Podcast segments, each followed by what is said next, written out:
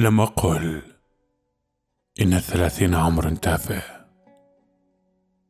أن ضجري من الهواة وأصحاب المهن يفوقه ضجري منكم من الساعة التي ترهق الحائط بالدوران.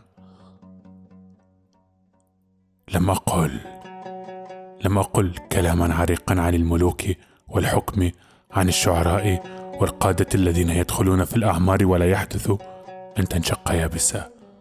أو يموت تنين في النبع. لم أقل إن أحدا لا يفتقد رجلا في الثلاثين عندما يخسر شيئا من شعره وشيئا من أسنانه وشيئا من الجدار والنافذة. إن رجلا في الثلاثين طيب وتافه بغل يتنزه بحمل من القش والثياب ويدخل في الصداع. والنوم الأبيض والوظيفة.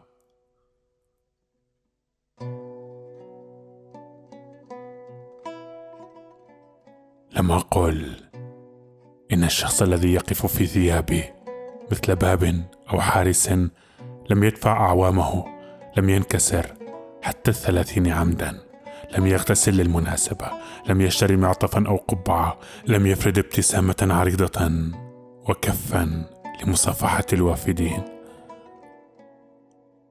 والذي لا أقوله هنا يجده الأصدقاء في الأمثال والحكم في الأعوام التي تسقط في الصندوق كما يسقط الرجل في النافذة كما يذهب الأحبة إلى المقهى أو الشجار أو الموت. لم أقل إن النافذة تنام واقفة لم أقل إن الباب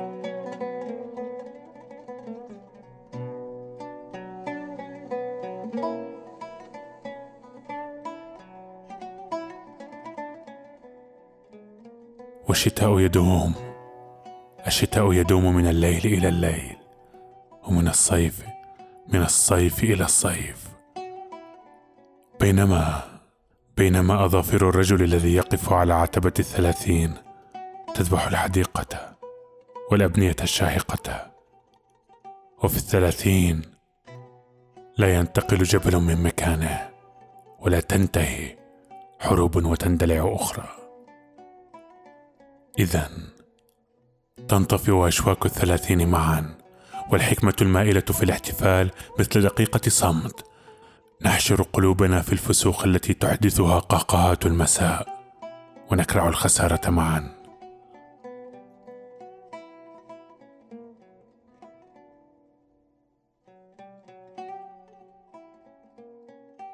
من يفتقد رجلا في الثلاثين؟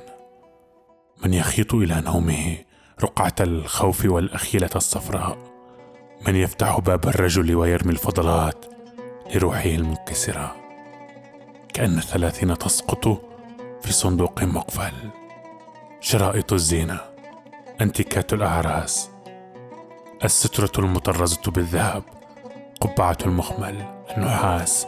الخزانة التي تحفظ جوفها القديم الحانات الطريق الساحلي الرسائل المطوية على نفسها جثث الأعوام والحشرات كرات نفتالين وردة مكبوسة في كتاب موعد فائت موعد مبكر موعد منسي في كتاب.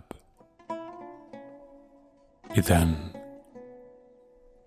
نرتجل حريقا في أعشابنا اليابسة نسمع طقطقة ونرى دخانا. إذا نبحث في رماد الثلاثين عن الفضلات والمعدن المطروق باللمعان. ماذا نفعل بأكوام الحجارة؟ بأكوام العظام. ماذا نفعل بالفضلات والثلاثون عمرا تافه؟ وضجري يدخل في عمر الأمثال.